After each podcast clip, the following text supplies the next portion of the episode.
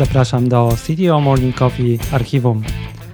To są nagrania spotkań prowadzonych na Twitter Spaces przez Sebastiana Gębskiego, Wojtka Ptaka i mnie, Tomka Onyszko. Rozmawiamy o technologii, karierze i wszystkim dookoła technical leadership.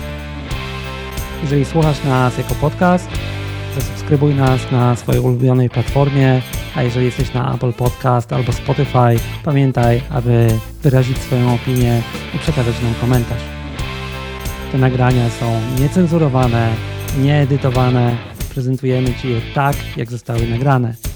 Możesz ten znaleźć na www.ctomorning.coffee i zapisać się na powiadomienia o kolejnych spotkaniach. A teraz po prostu zapraszam. Okej, okay, udało się dołączyć Sebastiana, bo już myślałem, że będę dzisiaj sam. Albo że Spaces odwaliło jakiś nowy numer. Albo że Sebastian nie znalazł Spaces po lewej stronie w menu.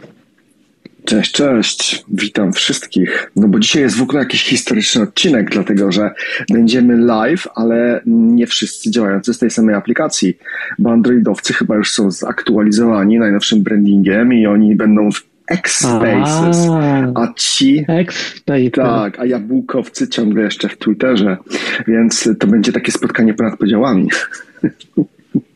Wielki, wielki podział. Nie, ale to jest trochę śmieszne, że w sumie to tydzień nie wiadomo w jakiej aplikacji będziemy rozmawiać. Ale, ale, ale, no cóż, przynajmniej nic. Czy... Znaczy, zanim Wojtek, do, e, zanim Wojtek e, dołączy jeszcze chwilę, bo napisał, że minutę, ale jeżeli chodzi o ten cały rebranding, to faktycznie to, że jeszcze nie zmienili nazwy aplikacji, to jest ciekawe. Chyba się boją tego, że ludzie przestaną ją znajdować po prostu, nie? Wiesz, że tam jak ktoś szuka, to nie będzie mógł znaleźć, że to jest X teraz, nie? No, Wszystko jest możliwe. Tak, czekamy na Wojtka, czekamy mhm. naszego, na naszego, Już mamy naszego chłopaka z rozkładówki Forbesa. Jeżeli ktoś jeszcze nie widział w najnowszym numerze Forbesa. Ja już to powiedziałem. Chyba już dostępnym do, do, do, do w sprzedaży w kioskach i empikach, to już jest wywiad z Wojtkiem, także warto się zapoznać. Dobra lektura na wakacje. Dobrze, nie na okładce. To jest tak, to jest, to jest, to jest zła wróżba podobno. Ci, ci, ci okładki idą do więzienia, ale to spoko. Byłem wodzio. Wojtek już jest z nami, e, więc teraz musimy już być poważni i możemy zaczynać chyba z Dzień dobry. Wiedziałem, że będzie od razu malutka szpila. Cześć. Obgadaliśmy cię od góry Oj, do dołu. Dobrze, słuchajcie, mamy już trzy po, więc tak, przejdźmy do standardowych naszych obrzędów. Mm, więc to jest City of Morning Coffee. Nasze super fajne, co dwutygodniowe, a czasem nawet częściej spotkania, gdzie rozmawiamy sobie mm, o technologii, o zarządzaniu, o leadershipie, e, a zwłaszcza o tych ich aspektach, które są interesujące dla tak zwanych senior technical leaders, czyli CTOs, ale nie tylko, e, i również oczywiście tych aspirujących. No właśnie. Każde takie spotkanie ma swój konkretny temat. Dzisiejszy temat, ja sobie tak roboczy nazwałem slowdown, ale bardziej malowniczy sposób opisaliśmy go w social media, czy śmierć od tysiąca ostrzy. Dlaczego organizacje technologiczne spowalniają wraz ze wzrostem? No i przede wszystkim, czy da się to odwrócić, zatrzymać. Sam przy tych wakacji, fajnie, że z nami jesteście. Mała, małe info odnośnie konwencji naszych spotkań. Przez tą godzinę rozmawiamy sobie swobodnie, czyli każdy może zabrać głos, każdy może skomentować, wystarczy skorzystać z funkcjonalności, która się nazywa roboczo podnieść łapkę w aplikacji, no bo niestety przez weba tylko możecie nas słuchać, ale nie możecie się jeszcze udzielać. Może się to zmieni, kto wie. W każdym razie zachęcamy do tego, żeby również zabierać głos. My możemy nie zauważyć tego od razu, więc się nie, nie zniechęcajcie i, i podnoście tę łapkę e, dalej. E, nasze spotkania, oczywiście, no my sobie bardzo mocno cenimy tą wersję live, dlatego że wtedy właśnie możemy sobie porozmawiać w większym gronie, w szerszym gronie, ale one są również archiwizowane w postaci podcastu, więc jeżeli ktoś wbije na nasz landing page cityofmorning.coffee, znajdzie tam linki. Oprócz tego od y, około tygodnia mamy już też spotkania w formie mm, już nie na żywo, tylko zupełnie asynchronicznie na YouTubie. One się nazywają City of Morning Brew. Więc linki możecie znaleźć, e, no czy to po prostu szukając naszej listy na, e, na YouTubie City of Morning Brew, czy właśnie również poprzez naszego landing page'a. E, jeżeli chodzi o formułę naszych spotkań, no to przede wszystkim staramy się tak, zachować pewną dozę profesjonalizmu, zdrową dozę, czyli nie krytykujemy jakichś indywidualnych osób, nie krytykujemy nawet firm, jeżeli krytykujemy, to krytykujemy jakieś postawy. A chyba to są najważniejsze rzeczy, o których miałem powiedzieć. Czy o czymś zapomniałem? Ja zawsze myślę, nie, czy ty masz jakiś prompt, który leci i po prostu ten prompt jest z, z odcinka na odcinek, na odcinek coraz lepszy. To jest wszystko zautomatyzowane, ja. panie kolego. Zanim, zanim przejdziemy do meritum, chciałem powiedzieć, że w takim razie obgadywanie kolegów w nie jest wykreślone z listy, więc dobrze. Jedziemy. Dobra, słuchajcie, temat e, muszę przyznać, że e, mi się bardzo podoba i e, to jest zjawisko, które na pewno każdy z nas się z nim zetknął. Na pewno każdy z nas jego dotyka. Czasami to są problemy, które no, potrafią wywalić, jeżeli nie cała, część organizacji, to nawet, znaczy, jeżeli nie organizacji, to nawet część organizacji. Więc e, mm, zastanawiam się, od czego to ugryźć, e, więc może słuchajcie. Pierwsze takie pytanie rozgrzewkowe. Jakie widzicie w ogóle właśnie takie główne mm, powody, e, jakieś takie drivery, faktory tego, że że zwalniamy w naszych firmach, tak? Czyli w tych mamy organizację technologiczną, mamy firmę, oczywiście każda teraz firma praktycznie jest organizacją technologiczną przede wszystkim, jeżeli do tego kogoś, jeżeli do kogoś jeszcze nie doszło, to witamy w 2023 roku. E, no właśnie, no i produkujemy jakiś produkt e, software'owy oparty o architekturę e, cloudową, no i te działania nasze coraz bardziej zwalniają. E, od momentu SIDA, w którym e, pięknie nam poszły e, pieniądze, wiecie, i pracowaliśmy pewnie długo i w pocie czoła budując bardzo szybko, wypuszczając feature'y, wszystko nam pięknie rosło. Później nagle się okazuje, że nagle zespoły nam, nam jako liderom mówią, że to wszystko zajmuje dwa, trzy razy tyle, co my byśmy dali estymaty. No dobra, więc wracając. Co to się ja dzieje? Mam ja mam chyba z wymienianych siedem powodów, ale zacznę od tych trzech najgrubszych. A właśnie taki może disclaimer jeszcze na samym początku. E, to rozważanie będzie wyglądać zupełnie inaczej dla firm, które rzeczywiście na początku były szybkie i zwalniają i widzą, że zwalnia ich tempo, e, versus firmy, które no, od samego początku nie były szybkie e, i po prostu chcą przyspieszyć. Więc to jest zupełnie inny rodzaj rozważania. Mhm. Do, do twojego jeszcze dodam versus firmy, które już zapomniały, że były szybkie i już są wolne. Okej, okay, to, to dla mnie ta druga kategoria. Bardzo dobry podział. Okay. E, nie, bardzo dobry podział. Ja też mam swoje, e, swoje typy, więc e, no, zapraszam do dyskusji. Tak, więc te trzy grube powody, bo może powiem te trzy grube, a potem też oddam komuś głos, a, a ewentualnie wbiję jeszcze z czymś później. To dla mnie te trzy grube powody to jest tak, to są długi, zaraz wyjaśnię, co mam na myśli mówiąc długi. Drugi to jest entropia, a trzeci to jest nasza tendencja do tego, żeby tylko dodawać, a nigdy usuwać. I to są według mnie trzy najgrubsze powody. Więc tak, co mam na myśli mówiąc długi? E, mówiąc długi mam na myśli nie tylko i wyłącznie dług techniczny, ale też jego ekwiwalenty w innych sferach działania firmy. Czyli Procesowy. na przykład Dług, dokładnie, dług procesowy, ale też dług projektowy, tylko projektowy w sensie designu, bo to jest zupełnie inny rodzaj długu. E, więc wszystkie te sfery mają pewnego rodzaju mm, konsekwencje podejmowania, nazwijmy to umownie, decyzji na skróty, które się kumulują i koniec końców to e, all together prowadzi do tego, że zwalniamy. A drugi taki powód z tych, z tych trzech, które wymieniłem, to jest entropia. Entropia, czyli e, no bo tak, no, firma albo produkt informatyczny to nie jest coś białkowego, to nie jest jakaś forma życia, ale z drugiej strony e, wszelkiego rodzaju jakieś małe takie inkonsystencje, albo małe niedopatrzenia, albo luki w jakimś procesie governance, czegokolwiek, one prowadzą do spadania standardów, do tego, że gdzieś tam jakaś, jakaś konwencja, e, która dawałaby nam jakąś stałą jakość, pewność pewnej prędkości, że ona się po prostu rozmywa że tracimy ją. I ta entropia, kiedy ona się już wkrada, strasznie ciężko jest ją zatrzymać. Na początku tego nie widzimy, to są jakieś niedopatrzenia, natomiast to jest coś, co się kumuluje z czasem. No i to jest w końcu ta trzecia rzecz, która wydaje mi się akurat jest prosta, nie ma co jakoś specjalnie tłumaczyć, to jest to, że my mamy jako ludzie mamy takie, taką świadomość, że e, my dodajemy wartość, kiedy budujemy coś, a strasznie ciężko nam pozbywać się czegoś, co na przykład nie ma sensu. Albo coś, co już się, już nie jest potrzebne, albo czegoś, co się nie sprawdziło. A teraz w związku z tym, to cały czas rośnie, rośnie baza naszego kodu, ilość naszych rozwiązań, jesteśmy z tego dumni, jest nam ciężko się tego pozbywać, nie mamy takiej kultury pozbywania się, no i te też suma summarum prowadzi do wzrostu complexity. To są takie trzy główne moje powody. Bardzo fajnie to ugryzłeś. Yy, yy, z bardzo ciekawe dla mnie strony, bo ja ugryzłem to całkiem inaczej, chociaż podobnie dla mnie Pierwsza, pierwsza kategoria tych problemów to jest tak naprawdę organizacja i kultura. I tutaj zaraz do tego nawiążę. Druga to jest, to jest ta wiedza, o której wspomniałeś. No i trzecie też, też miałem dług, chociaż bardziej się skupiłem na, pewnie na technicznym, bo tutaj dla mnie ten dług procesowy jest w tej organizacji.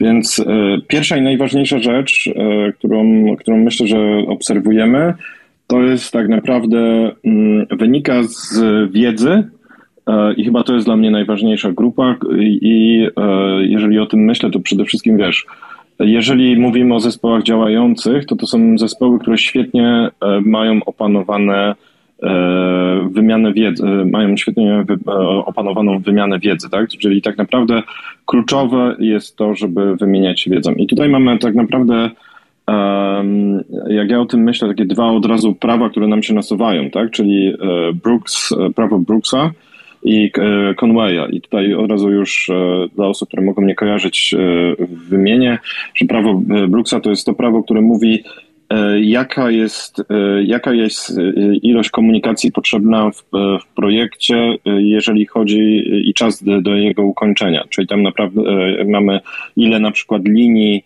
komunikacji jest potrzebnych, żeby skomunikować różne osoby. I oczywiście to rośnie bardzo wykładniczo, w, mm, jeżeli chodzi o ilość osób, które e, wymieniają się daną informacją. Oczywiście tworzenie produktów to jest przede wszystkim wymiana informacji, tak? czyli wymiana wiedzy domenowej, wymiana wiedzy technicznej, e, wymiana chociażby już planu wykonania danego projektu, e, więc zważcie tutaj jak szybko porusza się zespół, który ma 3 do 5 osób z waszego doświadczenia, a jak szybko porusza się zespół, który jest 10 do 15 e, osób. To jest właśnie prawo Brooksa, więc e, mm, chętnie do niego pewnie, pewnie jeszcze wrócę. No i też od razu chciałem tutaj przypomnieć prawo Conwaya, czyli tak naprawdę bezpośrednio to jak, e, jak, jaką mamy strukturę i kulturę komunikacji w firmie, też wpłynie na nasze rozwiązanie. Czyli jeżeli organizacja, i tutaj pewnie do tego drugiego typu organizacji, do którego nawiązałeś szczególnie, jeżeli organizacja nam skręciła w silosy, no to e, oczywiście wpłynie to też na silosy w, e, w architekturze systemu, w, w technologii i w rozwiązaniach. Natomiast e, Tomek. E, no dobrze. Nie chcę zabierać ja wejdę głosu. trochę. Nie, no zabieraj głos. Ja wejdę trochę e, na dzień dobry, trochę skończę do jednej rzeczy, którą powiedziałeś. Może nie kończę, ale takie skorygowanie, bo powiedziałeś, że największym tym wyzwaniem jest to wymienianie wiedzy. A wy chyba poruszyliście wszystko, co ja bym też poruszył, tylko ja patrzę na to trochę inaczej może, bo dla mnie kluczem jest to, co Sebastian poruszył, czyli i o to zawiera wiele rzeczy, czyli entropia.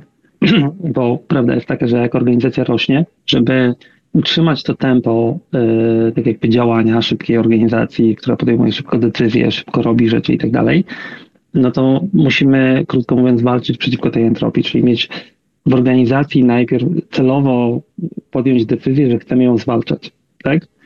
Albo inaczej, że chcemy zachować to tempo. I to niestety wymaga wysiłku. I teraz yy, ze wzrostem tej organizacji ten wysiłek się robi coraz większy, nie? I w którymś momencie niestety, ale następuje odpuszczenie. E, albo inaczej nie da się już zwalczyć wszystkiego. Z czego się to bierze?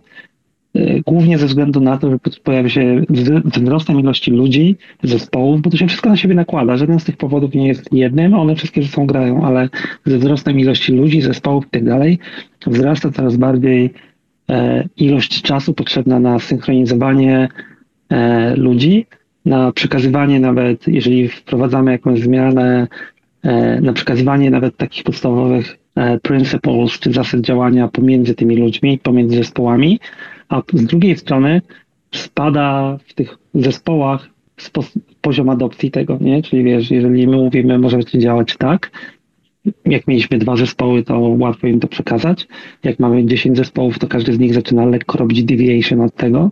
Jak zaczyna się robić deviation od tego, to powstaje wysiłek na to, żeby to wyrównać. I to jest niestety negatywna pętla zwrotna, nie? Bo E, każda iteracja zmiany czegokolwiek w firmie, każda iteracja dołożenia kolejnego produktu, e, dołożenia kolejnego zespołu i tak dalej, powoduje, że ta pętla zmiany się wydłuża. Nie? I w ten sposób zaczynamy działać wolniej, wolniej, wolniej. E, niestety faktycznie dużym powodem jest to, co powiedział Sebastian, czyli tendencja do dokładania, tak? Czyli mało kto się zastanawia, co usuwać z organizacji, no i zaczyna nam narastać, nie? Zaczyna nam narastać dług w różnych rodzajach, czyli i procesowy, i techniczny, i organizacyjny e, i ta pętla z każdym taką iteracją się zaczyna wydłużać, nie? Więc te wszystkie rzeczy, które powiedzieliście, one działają razem, ale według mnie to na, narzut na zwalczanie tej entropii po prostu wykład zaczyna rosnąć bardzo szybko w miarę rozwoju organizacji. Najgorsze, że chyba trochę się zgadzamy we wszystkim, więc e, mało za mało dyskusji. Słuchajcie, zapraszamy serdecznie do, mm, do wypowiedzi. Jeżeli się zgadzacie lub chcecie wejść w kontrze, to przypominamy, że e, serdecznie zapraszamy. Każdy z nas się na pewno zetknął z problemami, kiedy jak zwalnialiście i właśnie o tym jest ten odcinek. Sebastian. Mam jeszcze kilka powodów, może takich trochę ciekawszych case'ów, trochę, trochę bardziej węższych, ale które też w sumie akurat mogą wzbudzić dyskusję.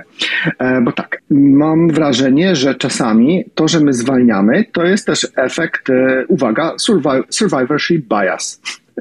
To znaczy, e, że zauważamy ten efekt tylko i wyłącznie u firm, które były naprawdę szybkie kiedyś. One były naprawdę szybkie, bo trochę wygrały los na loterii, a przez ten los na loterii rozumiem, że naprawdę miały świetny, bardzo sfokusowany wstępny team ludzi, którzy mieli drive, którzy byli fully accountable, którzy byli dobrymi organizatorami, którzy potrafili, jak to się mówi, getting shit done. I teraz e, przeżyły tego typu organizacje, które były naprawdę szybkie, natomiast później ta kultura się rozjechała. Czyli na początku udało się wygrać ten los na loterii, ale tego losu się nie udało przeskalować. Czyli nie udało się utrzymać tej super fantastycznej kultury i to jest cena sukcesu takiej organizacji. A, I tutaj sobie możemy za chwileczkę podywagować, czy to tak musi się dziać, czy taką kulturę można się utrzymać, e, utrzymać w jakiś potencjalnie w jakiś sposób, ale uważam, że to jest dosyć popularny case. Kolejny ciekawy efekt, dla którego moim zdaniem organizacje zwalniają, to jest mm, powiedzieliśmy wcześniej, bo Tomek też się do tego dorzucił, że my nie umiemy usuwać, tylko umiemy budować. Ale jeszcze nie umiemy innej jednej ważnej rzeczy. E, czyli nie umiemy dobrze mm, wdrażać nawet dobrze przemyślanych zmian. Co mam na myśli? Tak, mam na myśli tak zwany lava flow effect. Czyli na przykład nauczyliśmy się czegoś, stwierdziliśmy, że stara architektura była do dupy i teraz będziemy mieli nową, lepszą architekturę i nawet mamy pomysł, jak ta nowa architektura powinna wyglądać i nawet umiemy zacząć ją gdzieś tam budować, ale nie umiemy posprzątać tej starej. I teraz po czterech latach mapa naszego systemu to tak naprawdę wygląda jak taka lawa spływająca z czubka wulkanu, która sobie znalazła jakieś ścieżki w lewo, prawo, lewo, prawo, czyli jest takim patchworkiem wszystkich starych architektur, które się pojawiały w ramach naszego systemu w przeciągu całego życia naszej firmy. I nie dotyczy... co? No, no. Ja ci wejdę y, y, taki szybki ten, bo to, y, to jest podobne i w software'ze, i w, czy w wytwarzaniu czegoś i w organizacji, bo, ale co jest ważne tutaj, bo nie potrafimy wdrażać tych zmian dlatego, że e, ludzie nie widzą zmiany jako zmiany do wdrożenia, nie? Tylko po prostu jest let's do it, nie? Żeby to zadziałało, żeby ten, to faktycznie trzeba się nad tym poświęcić czas, nie? I to jest to, co mówiłem wcześniej o tym, że e, wysiłek wkładany w to, żeby ta organizacja dalej działała szybciej, niestety rośnie wykładniczo, nie? Potem Zgadzam się, ale ja bym jeszcze podsumował tak bardziej dobitnie. Ja bym po prostu powiedział, że mamy problem ze sformułowaniem dobrego accountability za zmianę. Czyli, że ta zmiana to nie jest tylko i wyłącznie to nowe, piękne, ładne, ale ta zmiana to jest to posprzątanie tego syfu, który był wcześniej. I nie ma jednego oddzielnego, drugiego. Trzeba zrobić obie rzeczy i jest się rozliczanym z obu rzeczy. Więc koniec końców to się sprowadza tak do tego, co powiedziałeś, natomiast ja bym to tak sfrezował bardziej dobitnie. Ale za, ale za sprzątanie rzeczy nikt nie dostaje e, success letter i bonusa. Dokładnie, nikt nie dostaje laurów, okej. Okay. I, I, wiecie co, jeszcze, bo dużo żeśmy tych po, po, wymienili, tych składowych, więc może na, poprzestańmy, ale mam jeszcze jedną rzecz w sumie, którą chciałem powiedzieć. Niby taka oczywista, ale jakoś nie padła. E, no, na początku nam się wydawało, że byliśmy na te super fajni, super szybcy, ale też dlatego, że my zaczynaliśmy z niskiego pułapu. Nie było tego complexity, nie było 50 tysięcy jakichś już feature'ów, które trzeba było rozważyć, dodając kolejny feature i, i jego zależności, e, tylko po prostu no, startowaliśmy z jakimś tam carte blanche. Natomiast z czasem no, rośnie to complexity. I rośnie nie tylko to complexity accidental, które wynika tam, nie wiem, ze złego doboru technologii albo w ogóle z tego, że technologia jest czasami skomplikowana, ale rośnie też takie inherent complexity, czyli to, że no, ta nasza domena już stała się, ten nasz model domeny stał już się dosyć skomplikowany. Już się zamykam, bo tych powodów można byłoby mnożyć bez końca. Powiedziałeś coś, do czego e, jeszcze nie nawiązaliśmy, ale to, to faktycznie e, ja na pewno w kilku, kilka razy miałem okazję odczuć. Czyli w momencie, kiedy budujemy całkowicie nowy zespół i to, to oczywiście jest teraz pytanie, czy to jest nowy zespół od samego początku firma, czy to jest no, całkowicie nowy zespół w zespole w większej, większej firmie. Na pewno ten, ten start jest bardzo, z reguły bardzo szybki i e, tutaj też jest bardzo ciekawe właśnie, że z reguły dobieramy e, osoby, które nam pasują kulturowo, które mają poczucie misji, e, mają poczucie E, też jakiegoś purpose fajnego i pewnie mają ochotę i wiecie, są w stanie rozbijać e, skały, żeby, żeby się przebić, więc e, tutaj na to też chciałem zwrócić uwagę i może będzie fajnie do tego wrócić. Cześć Grześku. Dołączyłeś do nas? Jesteś? A przepraszam, zmutował mi mikrofon. A nie ma sprawy. Taki psikus. Ja chciałem się podzielić doświadczeniem z wami. Aktualnie można powiedzieć, przeżywam je. Jestem w startupie, E, który w bardzo wczesnej fazie, prawie na początku do niego dołączyłem. I to jest ten przykład, gdzie jesteśmy wolni od początku. Na pokład przyszło bardzo dużo seniorów. Tak chcieliśmy to zbudować, że jak weźmiemy dużo seniorów, to, to będzie hulać od początku. Bardzo szybko się okazało takie proste przysłowie, że gdzie kucharek sześć, tam nie ma co jeść. To znaczy, świetni ludzie na pokładzie, ale zbyt dużo dyskusji. Każdy chciał pokazać, wiecie, to co najlepsze i przynieść na pokład to takie top of the top, to swoje doświadczenie, co, co wyniósł z każdego projektu. Ja pamiętam, jak my na przykład kilka tygodni dyskutowaliśmy nad y, modelem releasowania aplikacji. I biznes się puka w głowę, co się dzieje, dlaczego my nie jesteśmy w stanie dowozić, no bo tutaj po prostu to, to nie działało. I szczerze powiem, pierwszy raz się spotkałem z taką sytuacją, Myślałem, że tam, gdzie będzie dużo doświadczonych ludzi, to, to będzie hulać. E, zaczęliśmy rosnąć, tam w szczycie nas było naprawdę już pod 20 osób, no i nadal nie byliśmy szybcy. Pierwszy raz się z taką sytuacją spotkałem, zawiodło wiele rzeczy, komunikacja się rozrosła, zaczęło jakieś, musiało być planowanie, koordynacja zadań e, sporo rzeczy. E, moje przeczucie było takie, że to, to nie wypali i posypało się. Rzeczywiście nas jest teraz kilka osób, działamy, dowozimy.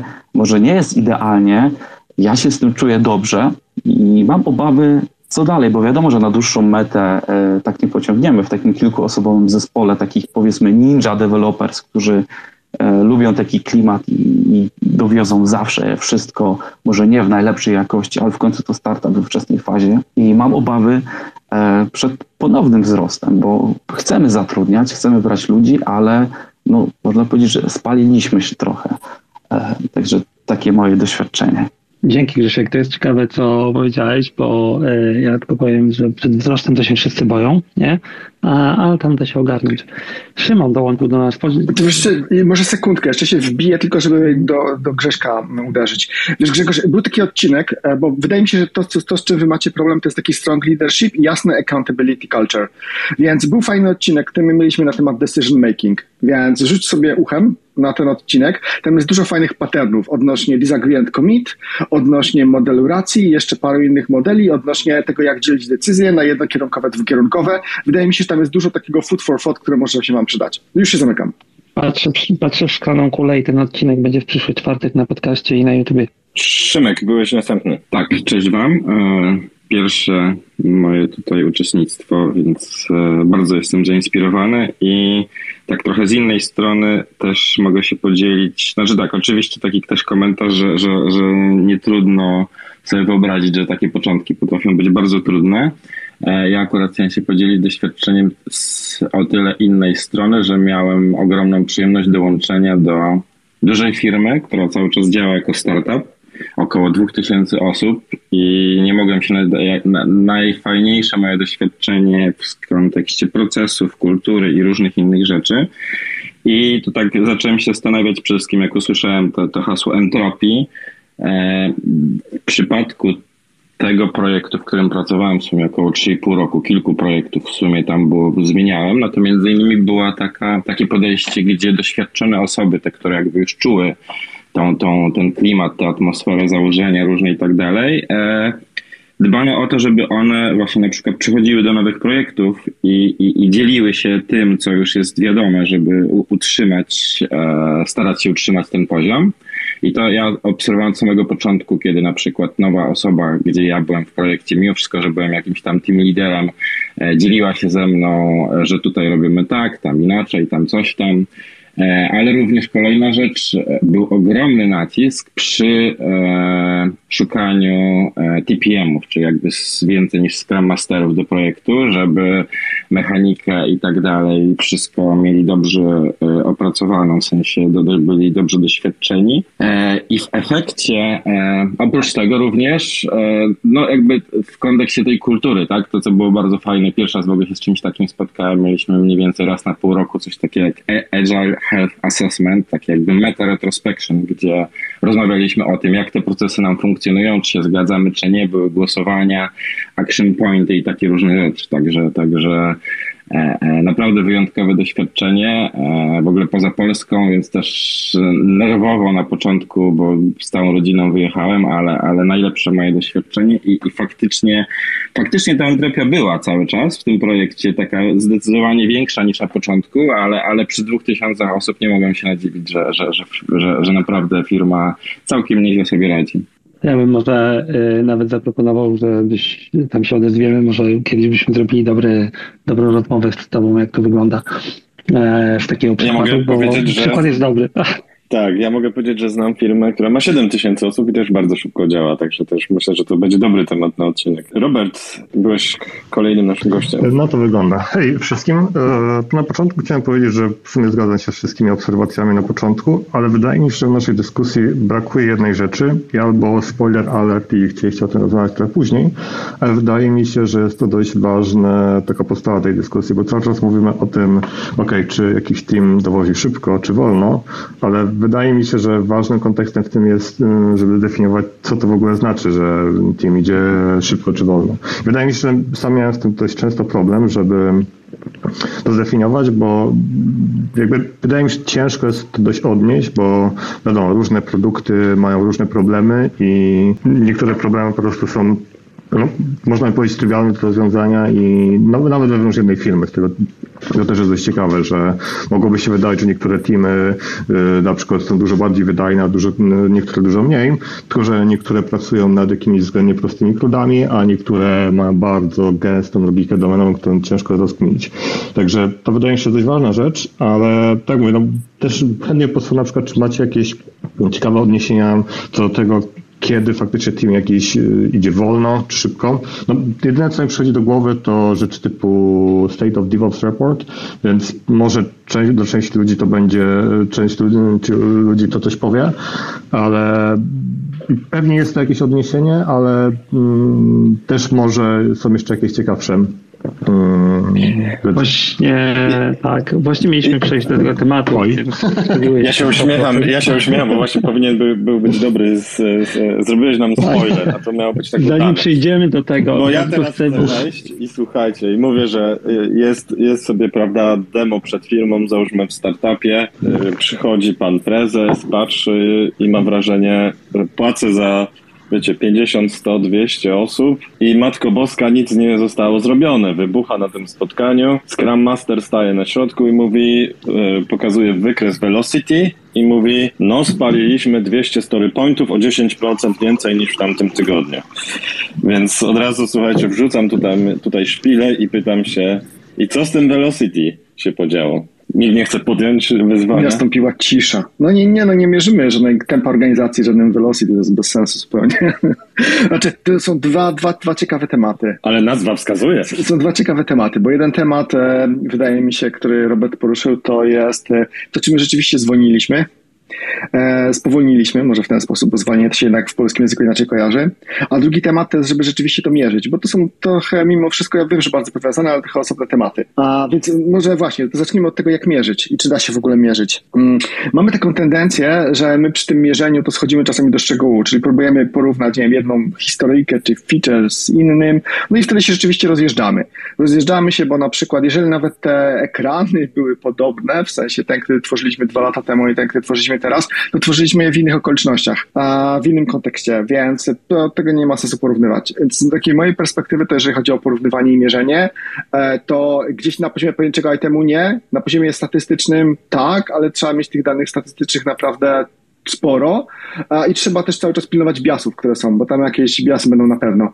Ja bym się, y, to co u mnie dobrze działało, to jest spojrzenie na proces wytwórczy, rozpisanie sobie go i zrozumienie jego na przykład metryk składowych, czyli nie patrzenie całościowo, no bo fajnie jest, jeżeli, jeżeli jesteśmy w stanie zmierzyć na przykład jakiś cycle time, to ok, tylko że ten cycle time na, na jakim poziomie, bo ta jednak rozdzielczość tych tematów, które dowozimy, potrafi być bardzo różna. A więc ale spojrzenie na metryki składowe, na przykład na jakiś decision making, czyli właśnie ile zajmuje nam podjęcie jakiejś decyzji, ile ludzi jest przy, po drodze zaangażowanych, ile jest y, etapów, no ale tak samo metryki techniczne składowe, czyli spojrzenie na to, ile, jaki jest czas kompilacji, jaki jest czas deploymentu, e, jaki jest failure rate na różnym poziomie, inne rzeczy. Ale też tutaj dodam, czyli na przykład też właśnie procesy wokół technologii, czyli na przykład czas potrzebny na review. Tak. To mhm. też dużo, dużo mówi, bo to są te, prawda, handovery często, które mamy w zespołach, które są ukryte bardzo Ilość round tripów przy takim review też, ileś uwag, które tu jest, jak najbardziej tak. Ale tak samo, no, jeżeli chodzi o tą naszą entropię, mówiliśmy tutaj o problemach z wiedzą, więc mierzenie jakości dokumentacji, ja wiem, że to brzmi trochę, trochę w szalony sposób, ale to też się robi. To też można robić, mierzenie kompletności również. Można też mierzyć różne overheady. Czyli e, na przykład spojrzeć historycznie, jaki był na przykład ratio ludzi, którzy tworzą oprogramowanie, ogólnie to całej reszty organizacji kiedyś, jaki jest teraz i przyjrzenie się temu krytycznie, czyli e, dlaczego ten ratio się zmienił i teraz czy ta zmiana jest uzasadniona, czy ta zmiana jest uzasadniona we wszystkich miejscach. Czyli e, podsumowując, moim zdaniem system thinking, czyli patrzymy na jakąś część organizacji jako pewnego rodzaju system, gdzie mamy pewnego rodzaju przepływy pracy, gdzie mamy pewnego rodzaju tak zwane staki, stosy, gdzie ta praca się akumuluje. Jeżeli rozumiemy te przepływy, to w tym momencie jesteśmy zaproponować metryki gdzieś tam na jakimś poziomie inputów, outputów tych przepływów i mierzyć te metryki, no tylko musimy mieć przekonanie, że faktycznie te metryki mają duży wpływ już na ten efekt końcowy. E, no i ewentualnie statystyka, ale żeby mieć statystykę, żeby to na poziomie statystycznym takie rozważania prowadzić, to trzeba mieć naprawdę dużo danych i jeszcze pewnego rodzaju governance, żeby te dane były efektem ubocznym naszej pracy, a nie jakimiś uznaniowymi wprowadzonymi informacjami. Nie jest to łatwe, ale się da. Ja chyba przywołam tak tylko jako referencję, jeżeli ktoś jeszcze nie czytał, a wątpię, e, że, bo jak mówisz o tym wszystkim, to przychodzi mi do głowy klasyk pod tytułem The Goal, e, czyli książka o teorii ograniczeń tak naprawdę i o przepływie pracy i tak dalej, i tak dalej, bo to się do tego sprowadza, to co powiedziałeś, czyli pomierzenie, gdzie jesteśmy, co gdzie idzie, jak idzie i tak dalej, nie? Tak, dokładnie. Jesteś świadomym tego. Tomek, ja tutaj mam pytanie, e, Szymek, bo ty mówiłeś, że jesteście e, faktycznie e, już dosyć dużą organizacją, która bardzo szybko, szybko działa i cię zaskoczyła. Co mierzycie z tego, co Sebastian wymienił? To w ogóle był projekt, który już się skończył gdzieś w okolicach początku COVID-u, w sensie ja byłem za granicą i wróciłem do Polski. Natomiast co było mierzone? Pierwsza rzecz, tak od razu też e, natychmiast mi się uruchomiły wspomnienia, jak tutaj mówicie o tym. Pierwsza rzecz to było po prostu velocity.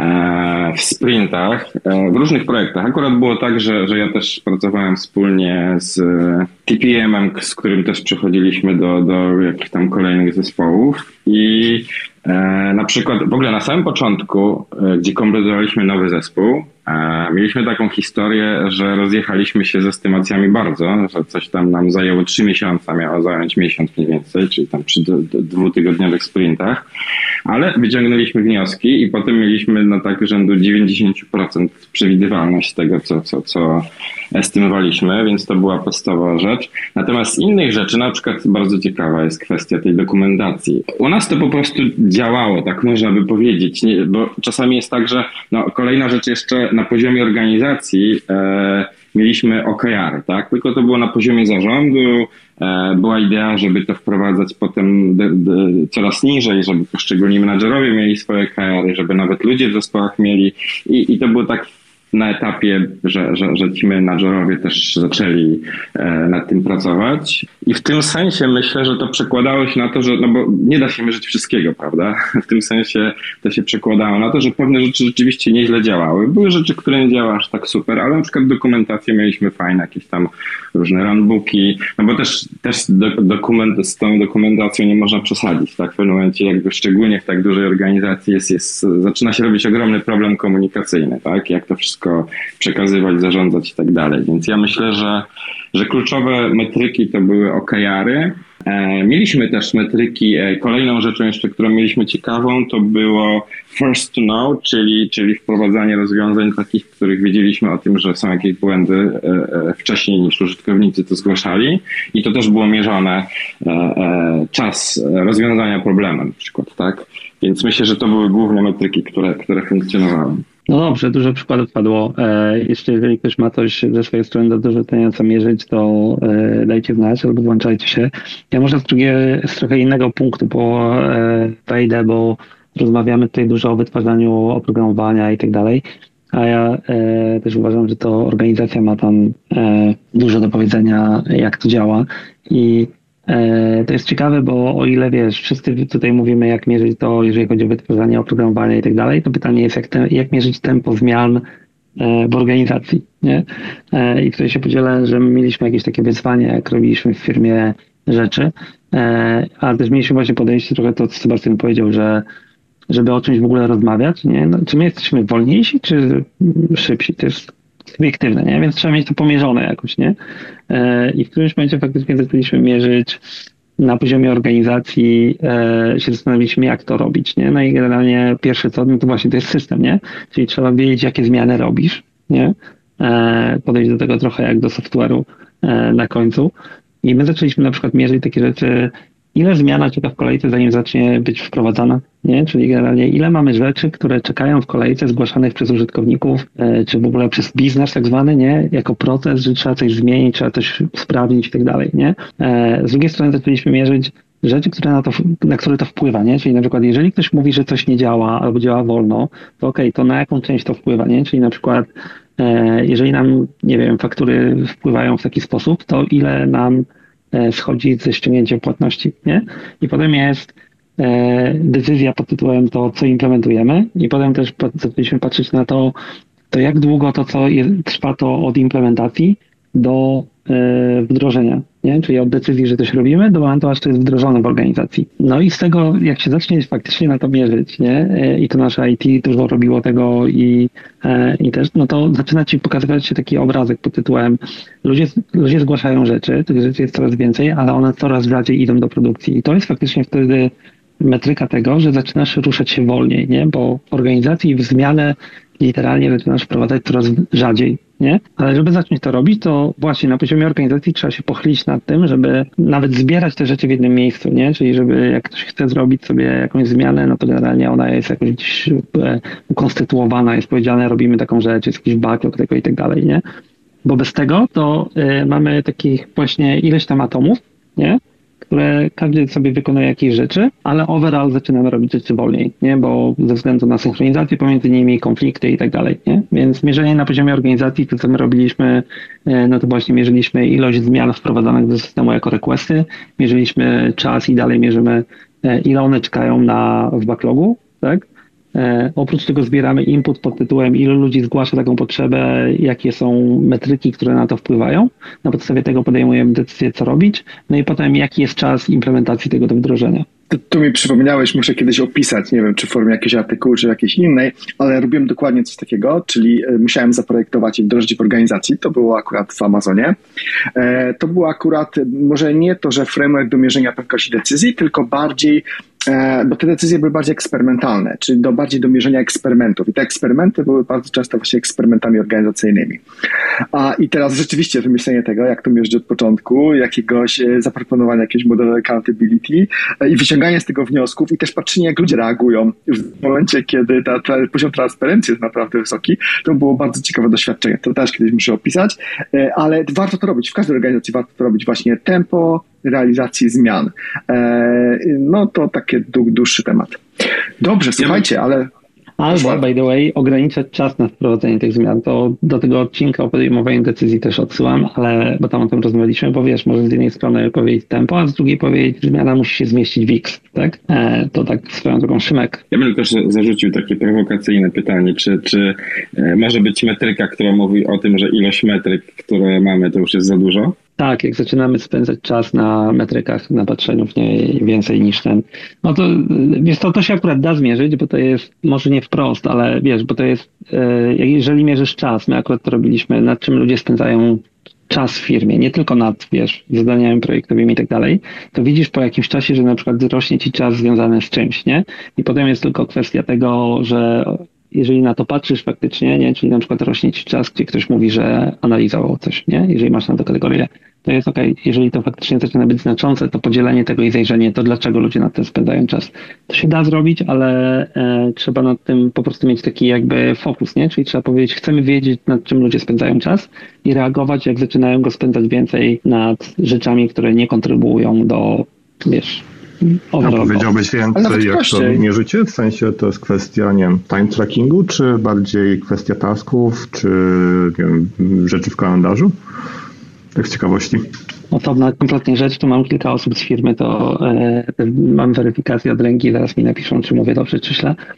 E, jest to, my mieliśmy dość specyficzne podejście do tego, bo od początku w firmie po prostu mieliśmy poukładane tak, że cały czas jest mierzony w taki sposób, że e, kategoryzujesz go na swoim kalendarzu, nie?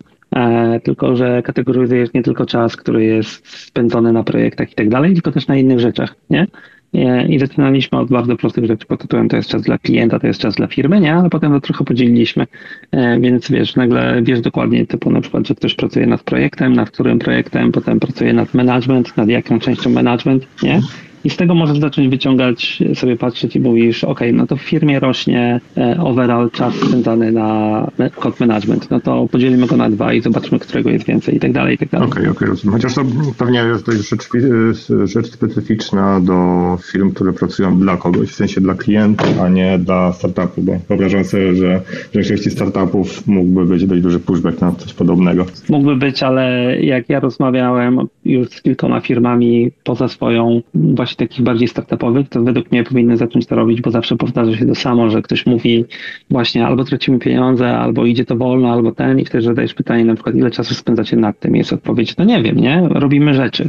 I to jest to, że jak robimy rzeczy, to nie wiemy nad czym je robimy. Albo jak ktoś nic nie robi. Właśnie, właśnie mi uświadomiłeś, że e, w tym samym projekcie u nas w miarę bezinwazyjnie zostało wdrożone dosyć szybko logowanie czasu w SAP-ie, ale nie na zasadzie logowanie tam nad czym konkretnie pracuję, tylko bardziej e, rozkład czasu, tak? E, czyli na przykład, nie wiem, przede wszystkim, i to akurat jest dokładnie odpowiedź na to, na to pytanie, że rozróżnialiśmy czas produkt, e, e jakby release'u feature'ów, od czasu, nie wiem, na przykład jeżeli bug dotyczył feature'a, który jeszcze nie jest wdrożony, no to on się zaliczał do czasu produkcji feature'a.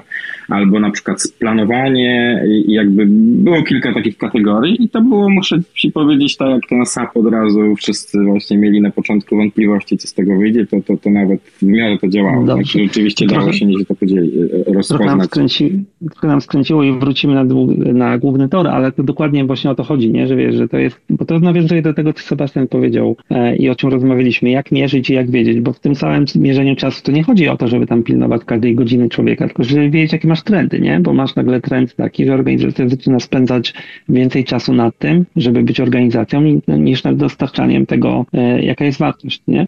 No i wtedy ktoś musi wejść i powiedzieć, panowie, zaczynamy spędzać połowę czasu nie wiadomo na czym, nie? Trzeba coś z tym zrobić. E, no i to bardziej o to chodzi.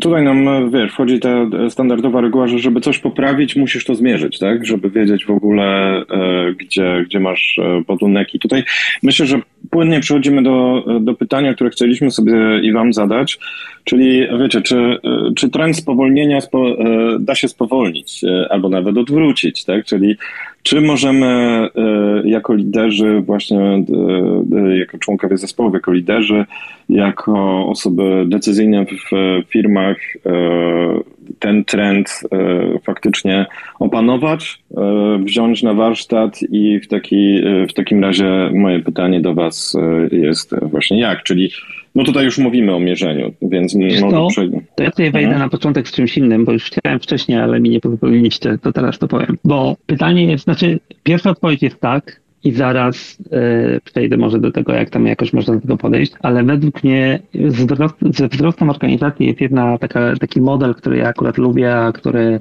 e, czyli e, wywodzący się gdzieś tam z tych rzeczy dookoła Worldly Mapping. Niektórzy wiedzą, że ja się tym zajmuję, ale Pioneer Settlers Town Planners, nie? Do czego się to sprowadza? Sprowadza się do tego, że trzeba sobie zdać sprawę, że w organizacji nie wszyscy muszą być tak samo szybcy, nie? Czyli bo Pioneer Settlers Town Planners to jest taki model, który e, e, Simon Wardley wypracował przy okazji swojego Wordley Mapping. Wordley Mapping to jest takie podejście do myślenia o strategii value chain i tak dalej, gdzie jest powiedziane, słuchajcie, w organizacji macie grupę pionierów, którzy po prostu ruszają się szybko, zabijają rośliny, kopią coś tam, umierają i idą nowi e, pionierzy macie settlersów, którzy po prostu szukają, już nie, nie są takimi pionierami, ale jeszcze są generalnie szybko się poruszają, zajmują jakiś teren, kombinują, tworzą nowe rzeczy. I na końcu masz town planners, ludzi, którzy już po prostu weszli do miasta, budują to miasto według planu, powoli, na lata. Nie? I chyba to jest klucz tego, że w zasadzie w organizacji musisz mieć te trzy rzeczy, e, ruszające się różnie. Tam ten model daje taki fajny mental model, który mówi i one powinny od siebie kraść. Czyli ci pionierzy produkują szybko, rozwalają rzeczy, mają inne metryki w ogóle i każda z tych rzeczy ma inne metryki, każda z tych części organizacji. Nie? Czyli to, co Sebastian powiedział, na przykład pionierzy robią eksperymenty i są mierzeni z e, success failure rate tych eksperymentów. I failure ma być większy niż success na przykład. Settlerzy są mierzeni z tego, jak efektywnie potrafią poprawiać po pionierach, a Town Planet mają na przykład takie KPI typowo efektywnościowe, na przykład velocity, jak już ktoś chce wierzyć. E, to taka pierwsza rzecz, którą e, według mnie warto sobie powiedzieć i wtedy inaczej się o tym myśli po prostu, bo nie próbujesz zawracać całej organizacji. To też wynika, bo powiedziałeś, że to wyszło od Word Layout, to chyba i tak w ogóle jeszcze wziął od kogoś innego, bo ja ten model tak, wziąłem tak, tak. u Hoffmana, ale ten model chyba wyszedł od Collinsa, czyli jeszcze z lat jakichś 80., ale ważne jest to, że ten podział, on wynika z tego po prostu, że potrzeby organizacji się zmieniają z czasem, czyli gdzieś, gdzie już usta- udało się, nie wiem, wypracować jakiś na przykład product market fit, gdzie już udało się wypracować pewne ramy, no to potem już tego trzeba pilnować, ta dynamika, która tam jest potrzebna jest zupełnie inna. Natomiast tak, to jest nie do uniknięcia, to ja się jakby z tym zupełnie zupełnie zgadzam. Wiesz co, bo tylko wiesz dlaczego ja lubię to podejście i ten model, bo to unika, pozwala uniknąć frustracji organizacji, nie? No bo jak masz organizację, która urosła od 20 do 150 osób na przykład, to może być, o Boże, teraz jest inaczej, zwolniliśmy i tak dalej, pojawiają się urban stories, jak to wcześniej było lepiej, a tutaj jest powiedziane, ok, to, że zwalniamy w jakimś stopniu jest naturalnym cyklem rozwoju organizacji. Będzie część ludzi, która będzie się poruszała wolniej, ale musimy się upewnić, że mamy część ludzi, która porusza się szybciej. Swoją drogą jakieś nawet trafiłem na taki to trochę do Wojtka, który często powołuje się na różnego rodzaju psychotesty i tak dalej, ale faktycznie na taki test, który mówi, na, gdzie ty jesteś jako człowiek na tej skali, która jest twoja preferencja i e, takie zestawienie, że jeżeli chcesz mieć dobrze zbalansowaną organizację poruszającą się średnią w miarę ok, to powinieneś sobie zbalansować tak jakby ludzi z ich preferencjami, nie? Ale wiesz ja sięgnę trochę głębiej, bo to, że niektórzy mogą mieć problem z rozpoznaniem, że moja część organizacji to już jest na przykład na etapie gdzieś tam tych powiedzmy żądanych żandarmów, którzy po prostu pilnują, to, to to jest jakby pół problemu. Druga połowa problemu to jest taka, że organizacja czasami musi wykonać ten krok wstecz. Czyli na przykład e, musi się bronić przed jakąś dysrupcją, musi się bronić przed jakimś ruchem rynkowym i w miejscu, gdzie właśnie było spokojnie, stabilnie i wolno, to w tam w tym momencie trzeba wprowadzić e, trochę inną metodę wprowadzenia na przykład zmian, czy trzeba wprowadzić tych settlersów, tych pionierów e, i z tym organizacje mają problem. Nie umiem tego robić, dlatego że tam już na miejscu nie ma ludzi, którzy pasują pasują do tego mentalnie, a, a i różnego rodzaju modele tak zwanych wewnętrznych startupów w większych organizacjach, one się dosyć średnio sprawdzały. No i tutaj wchodzimy w trochę taki temat e, zahaczający o politykę, bo to jest, czy da się to zawrócić i dlaczego, bo znaczy zawrócić się da, może niekoniecznie właśnie, dlaczego wszedłem z tym modelem pionierów Town, e, Builders i Settersów, bo właśnie może nie trzeba zawracać całej organizacji, ale pytanie jest, gdzie jest ten core, który musi na przykład e, zacząć pracować szybciej, albo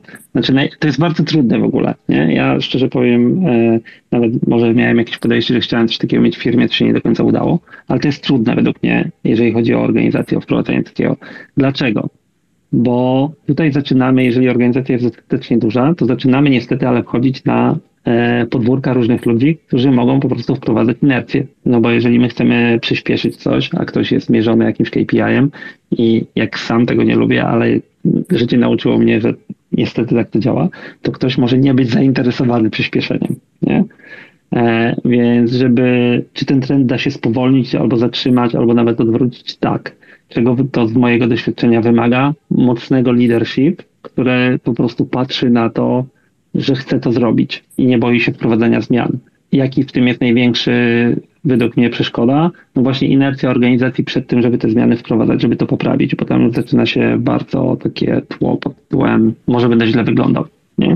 No nie stąd, wiem, stąd na samym, e, właśnie stąd na samym początku jedną z kategorii, którą ja sobie w, e, wiesz, wymieniłem, była ta kultura organizacji, bo ona bezpośrednio według mnie bardzo mocno nam będzie wspomagała to spowalnianie lub pozwalała przyspieszyć, więc tutaj też Stąd moje myślenie też o prawie Conwaya, bo jeżeli mamy, tak jak wspomnieliście, tą e, Sebastian, twoja druga kategoria organizacji, która, wiecie, ja pracowałem na przykład z bankami, które miały 350 lat i dosłownie e, e, strasznie się cieszyłem, bo pracowałem z firmą, którą oglądałem na westernach, to samo logo. I to jest firma, która od 350 lat buduje swoje procesy, tam nie jest łatwo coś zmienić, nie jest łatwo coś udowodnić e, i też są pewne, pewne od razu, e, wiecie, tam ta kultura mm, i ta inercja, o której ty mówisz, jest bardzo mocno wbudowana w kor tej organizacji, więc tego nie jesteśmy w stanie szybko ruszyć. Teraz pytanie, czy ta firma musi się szybko poruszać i musi się szybko zmieniać? To jest całkiem inna kwestia. Moim zdaniem tak, dlatego że na każdą firmę gdzieś tam na jakimś etapie czeka tak zwany disruption.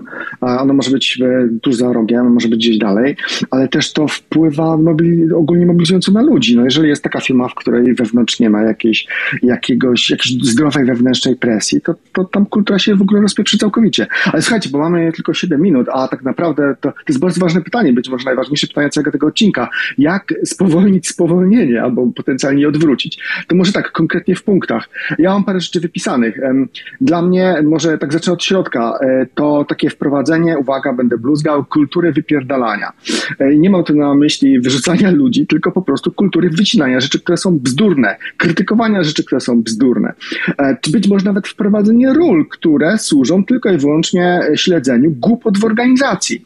Albo wprowadzenia ról, to już parę razy się pojawiło przy naszych odcinkach, odcinkach, e, w takim mm, formacie bar raisera, czyli kogoś, kto po prostu kwestionuje, challenge'uje i faktycznie e, jest w stanie odfiltrować głupie pomysły. A więc wprowadzenie tego typu kultury, wprowadzenie mechanizmów, które taką, taką kulturę e, wzmacniają, to uważam, że jest bardzo istotne. Dalej, trochę to o tym powiedział Tomek, bo Tomek powiedział trochę o różnych poziomach organizacji i zmianie na różnych poziomach organizacji. Więc moim zdaniem strong leadership na różnych poziomach organizacji i jeszcze dodatkowo pełna accountability i transparencja, żeby na każdym poziomie faktycznie dało się wprowadzić e, zmianę w odpowiednim tempie. I teraz co ważne, e, to powiedzieliśmy sobie wcześniej trochę e, na temat Goal. Ja bym jeszcze nawet trochę rozwinął, czyli poszedłem w kierunku Rainer Sena i jego The Flow, czyli rozumienie tak naprawdę tego, jak dzieje się praca, czyli e, przepływów pracy e, i rozumienie tego, jak to optymalizować i też wprowadzenie bardzo mocnych mechanizmów typu na przykład single threaded leadership e, i work in progress limit. Dlatego, że nasze organizacje te wolniejsze zazwyczaj mają problem właśnie z tym i to trochę wracam do tej kultury wypierdzielania, że zajmują się, się zbyt wieloma rzeczami ten fokus się strasznie rozbija i na tym cierpi accountability, bo wszyscy mają milion priorytetów, nie do końca jeszcze umie, umieją mierzyć jakieś takie swoje rezultaty w ramach tego, więc tutaj wprowadzenie takiego mocnego governance'u pracy e, to bardzo pomaga. E, I jeszcze dodatkowo, e, no ta kultura mierzenia. Zaczęliśmy na początku od tego, że jakże się nie mierzy, nie da się zarządzić. Czyli e, zastanowienie się dokładnie na tym, co mierzymy, jak mierzymy.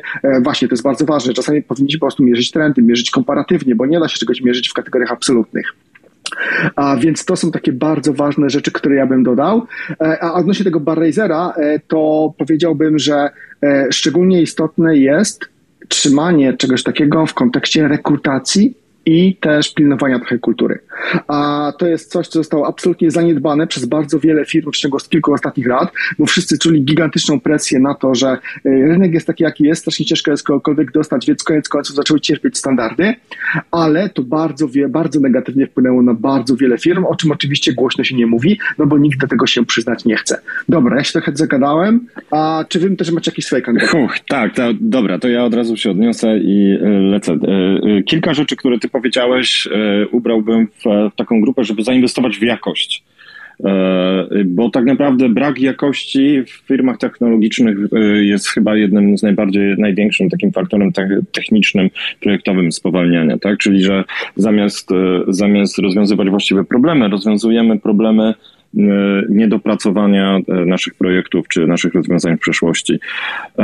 Druga drugą część kategorii, którą ty powiedziałeś, bym zamknął w takim ja bym to powiedział takim mindful decision making, tak? Czyli, że e, podejmowanie, nauczenie się właściwego podejmowania decyzji. Mi się bardzo podoba e, to, co powiedziałeś o Barrazerze, w naszej prywatnej rozmowie kiedyś e, nazwałeś to także sparring, e, sparring partnerstwem. I to jest coś, co strasznie mi siadło, Sebastian, i, i tu Ci jestem bardzo wdzięczny, bo ja uważam, że w ogóle e, tego jest bardzo mało i nie doceniamy e, e tego e, sparring partnera w naszych pomysłach. Czyli idea jest taka, jakikolwiek mam pomysł, jakikolwiek, jakikolwiek mam projekt, jakikolwiek temat na warsztacie, biorę kogoś, kto mi ten temat zboksuje ze mną, tak żeby faktycznie wyszła z tego najlepsza decyzja.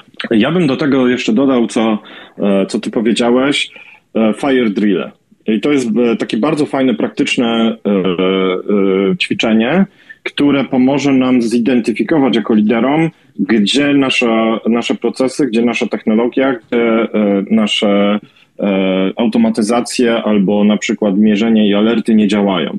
Czyli zasymulować sobie, umówić się z zespołem, że symulujemy na przykład, nie wiem, tam w zależności od tego, jaka jest charakterystyka firmy, na przykład Black Friday, zakładając nagle trzy razy większy ruch e, i e, przygotowujemy się całym zespołem, albo nawet e, robimy, robimy już bardzo konkretną symulację i e, właśnie tutaj bym jeszcze odniósł do Systems Thinking i do książek DevOpsowych, szczególnie do DevOps Handbook. To, co, to, co tak naprawdę tutaj, e, to clue tego, e, o czym my rozmawiamy, to jest identyfikacja największego bottlenecku w naszym procesie i naprawienie e, jego i później wzięcie kolejnego warsztatu, czyli tak naprawdę to jest, e, ty wspomniałeś też Sebastian, e, to jest też o Systems Theory, tak naprawdę i Theory of Constraints, więc te, te dwie rzeczy na pewno bardzo fajnie omawia DevOps Handbook, który bardzo serdecznie polecam. Tomek. Ja nie wiem, czy dodam coś bardziej mądrego niż moi doświadczeni koledzy. E, z mojego punktu widzenia, wiesz, tylko ja przez ostatnie kilka lat bardziej patrzyłem na to właśnie z punktu widzenia organizacji. Już, to jednak bardzo ważne jest to, żeby e, na w leadership organizacji była jednak chęć do zmiany, tak? I żeby y, to było też egzekwowane. E, bo jak tego przestanie, e, jak to przestanie być, ktoś nie będzie challenge'ował status quo, to się mniej lub bardziej e, zacznie rozjeżdżać. No i to się jednak... zmiany organizacji, ale u ludzi. Tak, tak, tak. I, I faktycznie to, ja to widzę po rozmowach, właśnie to też wspomniałem, po rozmowach z kilkoma firmami, które gdzieś tam poprosimy o jakąś rozmowę, że faktycznie brakuje tego spojrzenia takiego opartego o dane, bo każdy coś tam czuje, coś tam wie, ale da, jak nie widać tego na danych, to naprawdę ciężko jest po prostu dyskutować, nie? czy my faktycznie jesteśmy wolniejsi, czy nie, co na to wpływa. No i tutaj się pojawiają te rzeczy, które powiedzieliście. Plus widzę, że faktycznie przyszłotygodniowy heads up odcinek o podejmowaniu decyzji jest dobrym follow-upem do tej całej rozmowy tutaj dzisiaj. Śmieszny trend odnośnie e, nasze tutaj teorie versus real life. Najbardziej, e, najpopularniejsza praktyka odnośnie przyspieszenia przyspieszenia organizacji, e, która wbrew pozorom jest całkiem skuteczna, jest jaka? Wywalić CTO i wziąć kogoś innego. Dlaczego? Dlatego, że w tym momencie to jest czasami taki reset, a i jeszcze dołożenie dodatkowej presji a, i pokazanie w tej w, presji w widoczny sposób dla całej reszty organizacji inżynierskiej. Widzisz? Widzisz, ale to nie do końca tak. To znaczy, akurat wiesz, mamy y, naszą firmę X, użyjmy już, która jest ex-Twitterem, gdzie to widać bardzo, nie? Ale z drugiej strony właśnie, wiesz, to zależy jak organizacja się zmienia, bo ja widziałem kilka takich przykładów, e, no bo pamiętajmy, że jak firma jest już dosyć duża, nie? No to ma e, zarząd, ma leadership, zarząd, CEO, zarząd i potem jeszcze może być board, nie? I jeżeli na przykład, wiesz, wymienisz tego CEO, ale wyżej zarząd board nie ma chęci na zmiany, to szybko go ubiją, nie? Dlaczego? Bo niektóre wskaźniki zaczną wprowadzanie zmian, przyspieszanie organizacji i tak dalej ma swoje konsekwencje, na przykład jakie? Że przez jakiś czas razem będzie wyglądało inaczej, nie? I to trzeba wszystko ustać jako organizacja, bo żeby przyspieszyć, to niestety, ale też może być, że będzie taki okres, gdzie zwolnienie będzie jeszcze większe, nie? Bo na przykład przestaniemy robić rzeczy. No dobrze. True. Dobrze, słuchajcie, kończymy, dokładnie, jesteśmy już po 9.30. Słuchajcie, dzięki bardzo za dyskusję. Uważam, że fajnie się rozmawiało, dużo ciekawych rzeczy padło. Oczywiście nie wyczerpaliśmy tematu, bo ja tu jeszcze mam u siebie chyba ze cztery odrębne kategorie całkowicie. Nawet połowy listy naszych pytań chyba nie przeszliśmy. Ale to dobrze, ale to dobrze. E, w międzyczasie jeszcze takie małe przypomnienie. Rzucajcie okiem na nasze odcinki City Morning Brew. Są już dwa niedługo pojawi się kolejny, bo jest już nagrany, jest już w postprodukcji. E, oprócz tego, cóż, zapraszamy na kolejne City Morning Coffee, które już za dwa tygodnie, na razie jeszcze nie powiemy jaki temat. E, zapraszamy do zapisywania się do naszego newslettera, do naszych subskrypcji, wtedy dostajecie informacje na temat kolejnych odcinków i na pewno niczego nie przegapicie. Słyszymy się już niedługo, mam nadzieję, że ciągle na aplikacji czy to Twitter, czy to X, ale tu różnie może być, Elona ruchów nikt nie przewidzi. Dzięki bardzo. Dziękuję, miłego weekendu wszystkim. Dzięki, miłego weekendu, trzymajcie się.